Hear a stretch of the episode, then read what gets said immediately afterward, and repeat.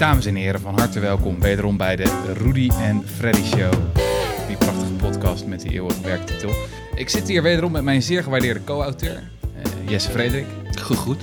Hij zit daadwerkelijk tegenover me en we gaan het vandaag hebben over een van zijn diepste passies. Ja, Vertel ja, de luisteraar maar even wat het is. De woningmarkt. De woningmarkt. Kijk, kijk. Ehm, hoe is dat zo ontstaan? Dat je echt dacht, de woningmarkt, daar...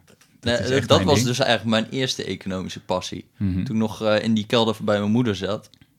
Eh, toen eh, Even, had... sorry, je zat in een kelder bij je moeder. Was je opgesloten daar? Of? nee, nee, ik zat daar wel vrijwillig. Oké. Ehm, en nee, dat was gewoon... Ik was, ik was toen vakkenvuller. Haha. En toen besefte ik me opeens... Toen keek ik naar zomergasten. naar Willem Schinkel, naar een fragment van Chomsky en Foucault. Mhm. En toen dacht ik, hier snap ik echt geen hout van. Toen in één keer wilde ik allemaal wel een beetje weten waar die mensen het over hadden. Toen ging ik in één keer heel veel lezen. Toen eerst over filosofie, geschiedenis en weet ik veel wat. Want En toen daarvoor, even, even voor mijn... daarvoor deed je dat niet. Nee, nee. Oké, dus een slag een fragment over Chomsky en Foucault en dacht... De huizenmarkt is mijn grootste passie. Eh, nee, nee, nee, want toen kwam de crisis ook nog. En toen wilde ik ook nog een beetje begrijpen waarom dat was gebeurd. Toen ging ik heel veel lezen over hoe dat in Amerika was gegaan. Mhm. Eh, en dat had dan toch behoorlijk wat met die woningmarkt te maken. Ehm, en toen dacht ik van, oh, hoe zit het eigenlijk hier in Nederland? En toen, eh, toen besefte ik me dat dat eigenlijk helemaal niet zo heel veel anders was. En toen maakte ik er in één keer mijn levensmissie van om dat zo aan iedereen te verkondigen. Mhm. eh, via mijn blog met 400 lezers. Mhm. Dus eh, daar, daarmee was ik een beetje die economie ingerold. Het begon allemaal met die woningmarkt. Dus Oh ja, en toen had je dat blog. En daarna ging je schrijven Follow the Money. ja, En toen kwam je bij de correspondent. ja dat is eh, de korte versie. Kijk aan, dus we hebben het hier echt over een oorsprongsverhaal. Een oorsprongsverhaal, ja. Dit is de wortelen van mijn economische kennis. Kijk aan. Oké, nou, ik zit met een hele grote vraag. En heel veel van de luisteraars denk ik ook. En die vraag luidt... ehm, waarom is de Nederlandse woningmarkt totaal van de pot gerukt? Waarom is wonen zo krankzinnig duur?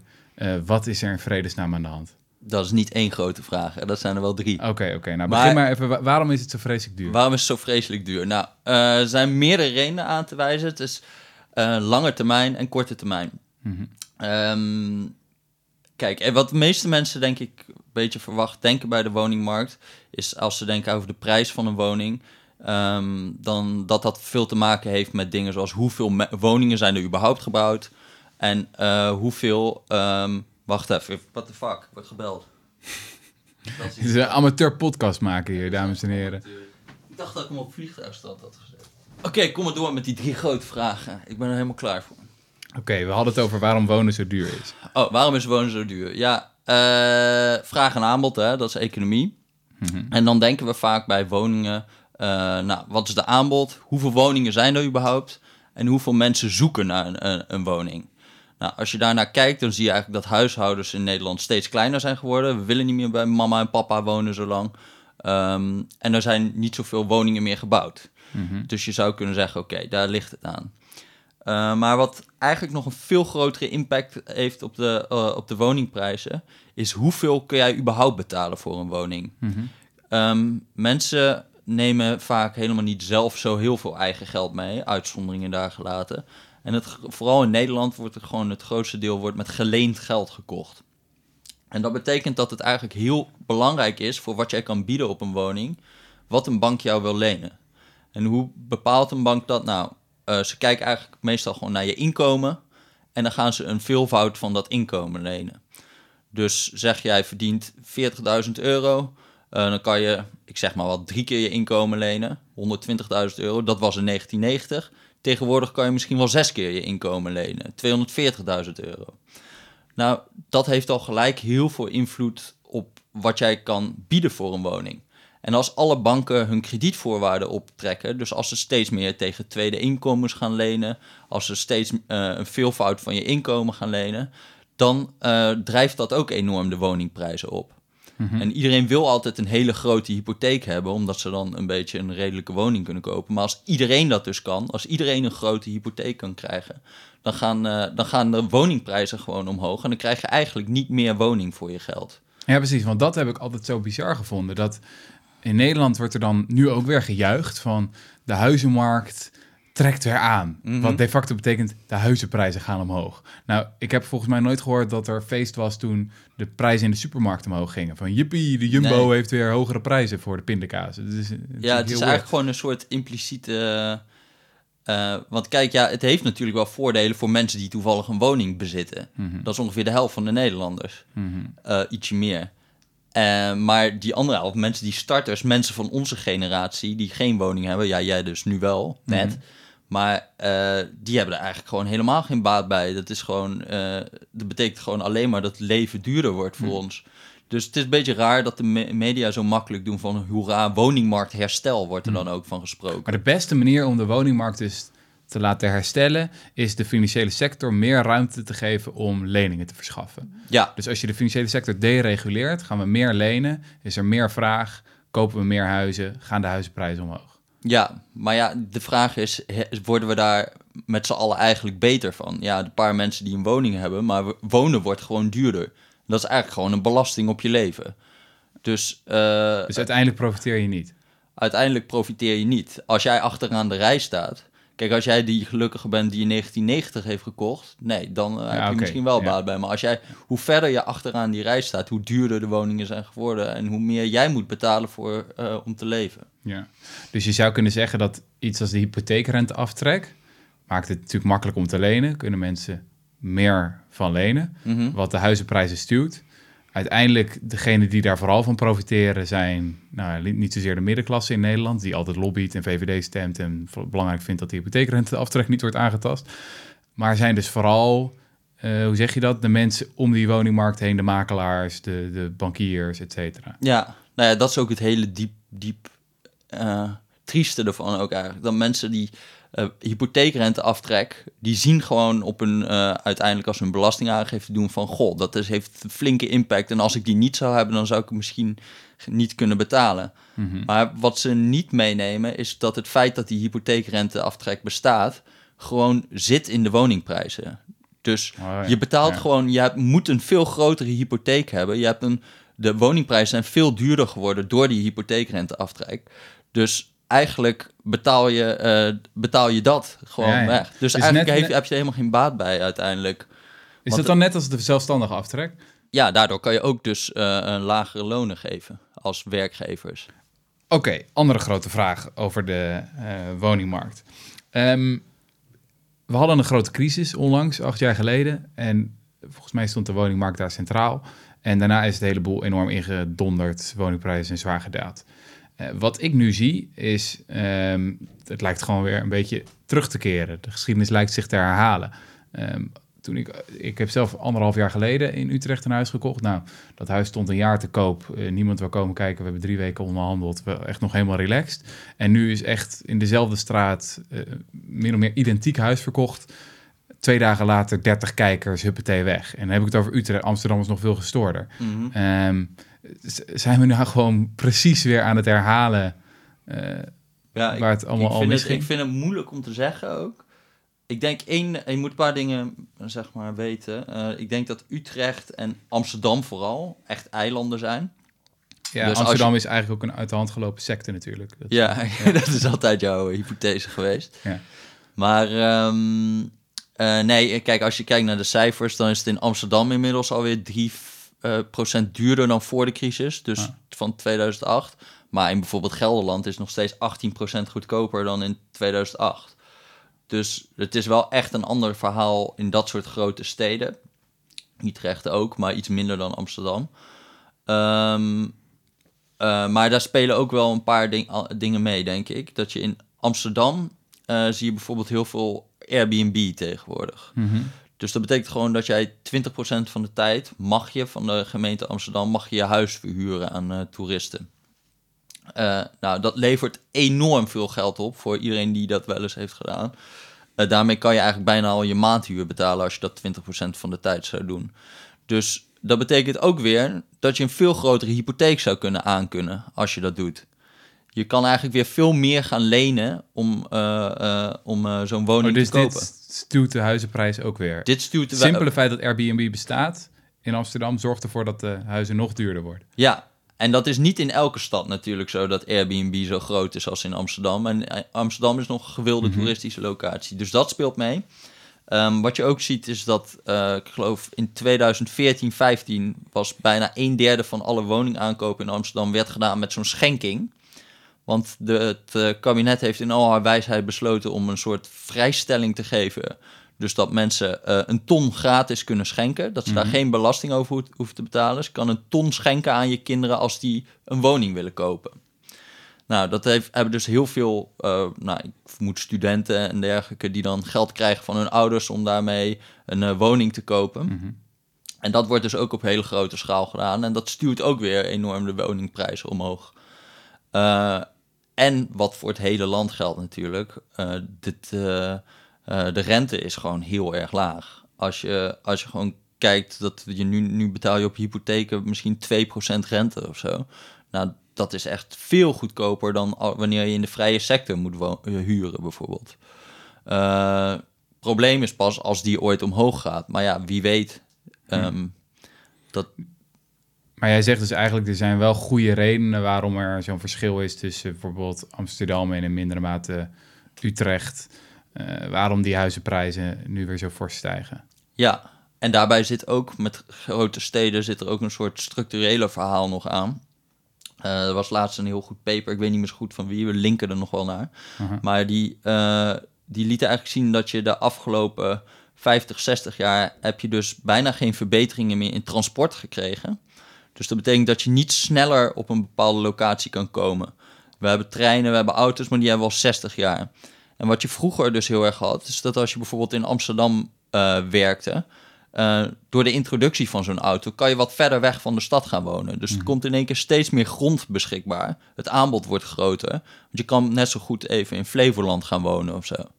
Eh, maar omdat we al 60 jaar bijna geen verbetering daarin hebben gezien, worden die, wordt de waarde van al die stedelijke centra steeds groter. Omdat het aanbod aan grond waar je kan gaan wonen niet, meer, niet echt meer toeneemt. Oh ja, dus, dus als je een teleporteermachine zou hebben, dan zouden de huizenprijzen in Amsterdam meteen instorten. Ja, ja dat, nou, dan zouden ze aanzienlijk gedrukt worden. Want dan Dus kan je dat dus gewoon in waarschijnlijk Noordoost-Groningen gaan zitten. In een, eh, Dus dat is de reden dat we niet kunnen teleporteren nog. Die technologie bestaat al lang, maar die wordt door, ja, door de rijke renteniersklasse wordt die verborgen Ja. gehouden, omdat ze bang zijn dat de huizenmarkt anders wordt. ik sluit zeker niet uit dat daar de Rothschilds achter zitten. Oh, oké, nee, nee, nee. Dan hebben we dat ook, eh, hebben we dat ook meteen helder.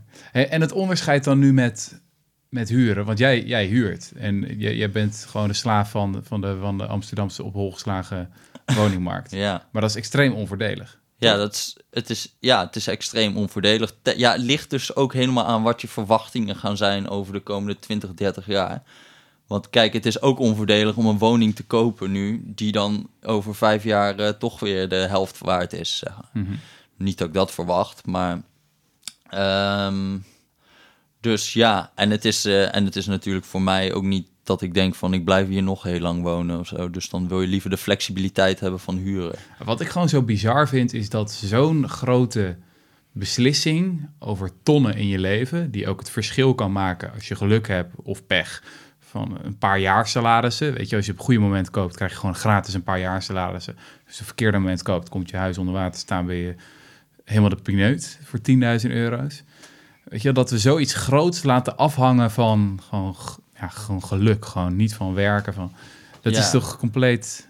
Ja, ja, dat is best wel raar, ja. Kan dat niet anders dan? Ehm, kan het niet anders? Ja. Je zou, kijk, wat, waar ik dus eigenlijk aan denk, we moeten eigenlijk helemaal een andere mindset gaan krijgen. Dus nu, omdat zoveel mensen er baat bij hebben bij die woningmarkt, wordt elke keer als de woningen stijgen, zijn we heel erg blij.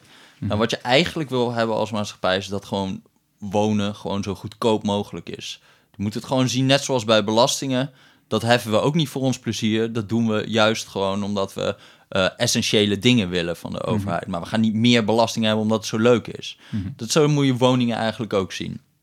Eh, maar dat vereist wel een hele andere eh, mindset. Dus, want dan zou, zou je het niet moeten subsidiëren, zoals we nu doen met die hypotheekrenteaftrek, met allemaal huursubsidies en dergelijke. Nee, je zou het eigenlijk meer juist moeten belasten. Ehm, en waar ik dan eigenlijk aan denk is een soort grondbelasting. Ehm, want dan moet ik heel even uitleggen. Kijk, elke, elk vastgoedobject bestaat eigenlijk uit twee dingen. De stenen zelf, de dingen die echt gebouwd worden, en de kosten van de locatie, de grond die eronder ligt. En wat het grootste gedeelte van de prijs van een woning is, is de grond. Het is niet die stenen zelf. Kijk, je kan die stenen zelf gewoon heeft ook een prijs. Je weet gewoon wat de bouwkosten zijn. Hoeveel heeft het gekost om die stenen te kopen? Hoeveel kost het? Waar kost het dan? Gewoon een rijtjeshuis neerzetten? Weet je dat? Nee, ja, dat kan ik niet zo uit mijn hoofd doen. Maar je kan bij het CBS, ik kan nog wel een, uh, een grafiekje erbij gooien van hoeveel dat dan ongeveer is de bouwkosten. Het zit vooral in locatie, locatie, locatie. Het zit vooral in locatie. En dan al helemaal op plekken zoals uh, Amsterdam en dergelijke. Kijk, je kan het is ook eigenlijk heel raar dat woningen meer waard worden. Want bij elk object wat je koopt, als ik een wasmachine koop, mhm. dan is die over vijf jaar minder waard. Nee, en stenen slijten ook gewoon. Dus dan zou je eigenlijk steeds minder waard worden. Wat mhm. meer waard wordt, is de grond die eronder zit. Mhm. Nou, wat die, die prijs van de grond, die prijs van die locatie, daar draag jij zelf eigenlijk niet zoveel aan bij dat dat zo waardevol wordt. Mensen die op de Zuidas ooit eens een stukje grond hebben gekregen. Uh, en de overheid die beslist van ik ga daar een uh, Amsterdam-Zuid aanleggen. Ik ga een metrostation daarnaast leggen. Ik ga daar het financiële hart van uh, Nederland van maken. Dan zorgt in één keer dat die grondprijs enorm stijgt. Maar daar heb jij eigenlijk niet zoveel voor gedaan. Je hebt, kon gewoon achterover liggen en dan was het ook gebeurd. Ja, en die winst zou je dus kunnen afromen. Je zou kunnen zeggen van, nou ja, mensen die gewoon geluk hebben gehad dat ze een stukje grond hadden. Mhm. Eh, en dat doen we nu toch via, of dat deden we via de erfpacht. In Amsterdam wel. Amsterdam was vrij uniek daarin, ook in, uh, in de wereld. Er zijn een paar steden die dat ook doen. Singapore bijvoorbeeld is alles, volgens mij alle grond in overheidshanden. Oh ja, dat is grappig hè? Ja, ja dat is heel bizar, want dat zien we als een supermarkteconomie, maar het is gewoon totaal genationaliseerde grond. Ja. Maar in Amsterdam deden we dat dus heel lang, totdat we nu een, uh, is ooit ingevoerd door de liberalen. Mm ergens in 1900. Ehm, die zei, alle nieuwe bouwgrond in Amsterdam, dat gaan we uh, verhuren aan uh, mensen. Dus dat blijft altijd in handen van de gemeenschap. En dat is nu twee jaar geleden, is het eigenlijk de facto een beetje afgeschaft door het, een nieuwe liberale hmm. gemeenteraad. Maar kan, je, kan je niet nog beter gewoon een echte grondbelasting doen? Want zo'n erfpacht is een is ook een grondbelasting, alleen die is wat inflexibel. Dat is geloof ik, je koopt het voor 50 jaar af of zo. Kan je niet beter gewoon zeggen, oké, je hebt grond, je betaalt gewoon x percentage over die waarde van de grond ieder jaar. We checken ieder jaar wat het waard is en gewoon lappen. Ja, ja, dan, nou ja, dat zou, dat zou heel goed kunnen. Alleen het probleem is natuurlijk met al die dingen, is de transitie. Kijk, ik kan wel voorstellen van, goed idee om grond meer te belasten. Het is onverdiend inkomen. Normaal bij belastingen is het altijd zo dat als je het gaat belasten, komt er minder van. Als jij uh, werkende mensen gaat belasten, dan uh, is dat geen stimulus tot werken. Dan gaan er mhm. juist minder mensen werken. Maar als je grond gaat belasten, is er niet in één keer minder grond. Die grond mhm. is er toch altijd wel. Dus daarom is het een soort. Een, ook zelfs voor uh, hele conventionele economen zeggen dat moet je doen. voor economen vinden het altijd het briljant om grond te belasten. Of het nou Milton Friedman is, of uh, Koen Teulings van het CPB, of, uh, of een of andere hele linkse figuren, hm. zijn allemaal zijn ze meestal voor grondbelastingen. Hm. En puur om deze reden. Het is gewoon heel efficiënt. Um, alleen het probleem is een beetje de weg ernaartoe. Uh, want we hebben nu natuurlijk al een heleboel subsidies. Nou, stel dat je grond heel erg zwaar zou belasten en inkomen wat minder dan zul je nu heel veel mensen krijgen die bijvoorbeeld een hypotheek niet meer kunnen betalen. Hm. Uh, want uh, ze krijgen in één keer een enorme belastingaanslag uh, naast hun hypotheek. En waar ook geen hypotheekrenteaftrek op zit. Dus dan hebben de banken weer een probleem. dus dat kan je bijna niet in één keer doen. Je moet het heel erg geleidelijk doen. Heel erg geleidelijk. Stapje, half procentje per half procentje kan je een hypotheekrente afbouwen en heel geleidelijk aan zo'n En dat lukt natuurlijk nooit in dit politieke klimaat. Nee, nee want dan voor je het weet, dan uh, zit de VVD weer een keer aan de macht. Oké, okay, alles idee, Hoe gaan we het dan oplossen? Ja, of, of je doet het wel in één keer en je gaat dan gewoon alle banken failliet verklaren en de hypotheken uh, terugschroeven tot een uh, acceptabel niveau. Maar ja, dat is natuurlijk ook tamelijk radicaal. Maar nee, ik vind het nog wel een goed idee. Alleen je moet dat inderdaad heel geleidelijk doen.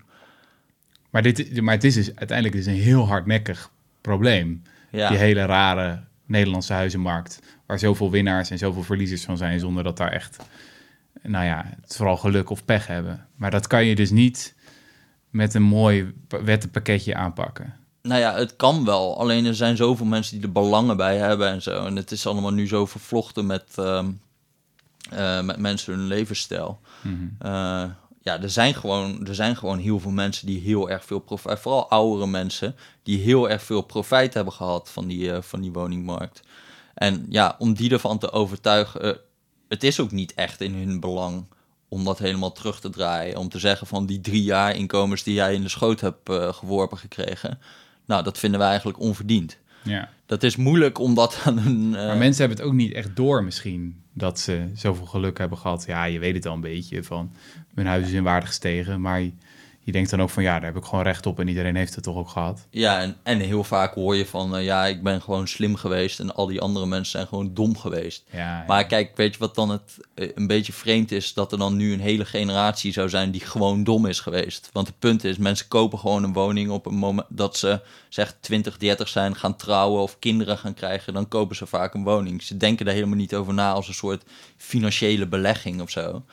En daarom zijn nu gewoon mensen die 50 zijn, die 30 jaar geleden hebben gekocht, of 20 jaar geleden, die hebben, die hebben allemaal enorme overwaarde. En iedereen die 20, 30 is en een koopwoning heeft, heeft enorme onderwaarde.